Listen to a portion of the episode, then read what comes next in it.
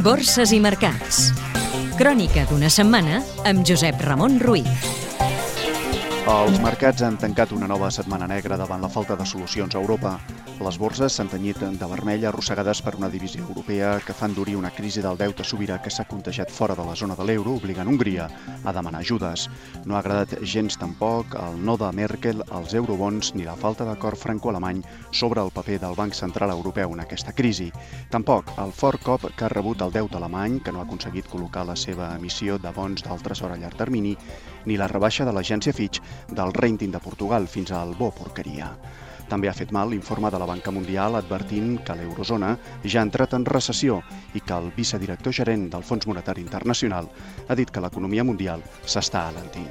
Aquí, la setmana que el Tresor ha hagut de pagar més d'un 5% d'interès per poder col·locar 3.000 milions d'euros en lletres a 3 i 6 mesos, més que a Grècia i Portugal, L'IBEX 35, de dilluns a divendres, ha caigut més d'un 6,5% i se situa en zona de mínims anuals en els 7.763 punts enmig de les peticions de Brussel·les, després de la majoria absoluta del Partit Popular, de mesures immediates davant d'un atur insostenible.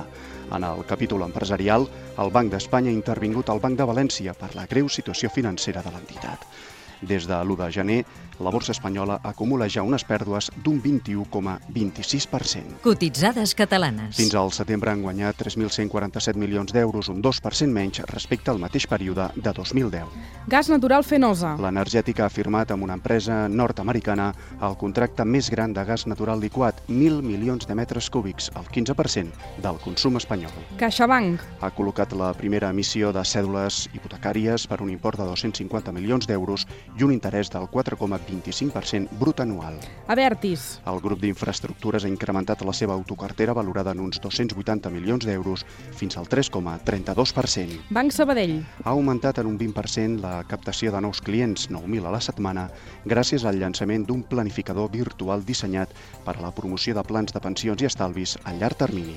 Fersa Energies Renovables. Ha venut per 10,7 milions d'euros la societat Empordavent. Indo Internacional. El jutjat mercantil número 6 de Barcelona ha autoritzat la venda de la participació del grup òptic a la seva filial nord-americana per gairebé 394.000 euros. L'euro ha continuat rebent el càstig d'uns mercats atemorits per les fortes tensions en el deute i que han obligat el Banc Central Europeu a intervenir diàriament per frenar la caiguda en preus. Aquest divendres el BCE ha fixat el seu canvi oficial a 1,3229 dòlars en mínims de 7 setmanes. El patrón. El preu del barril de cru tipus Brent, el de referència a Europa per a fixar el cost dels combustibles, s'ha abaratit aquesta setmana pels temors a un empitjorament de la crisi del deute sobirà europeu i pel dèbil creixement de l'economia nord-americana en el tercer trimestre.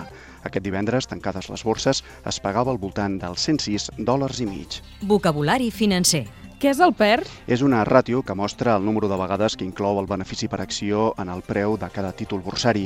Indica el temps que triga un inversor a recuperar la inversió exclusivament amb els guanys d'una companyia.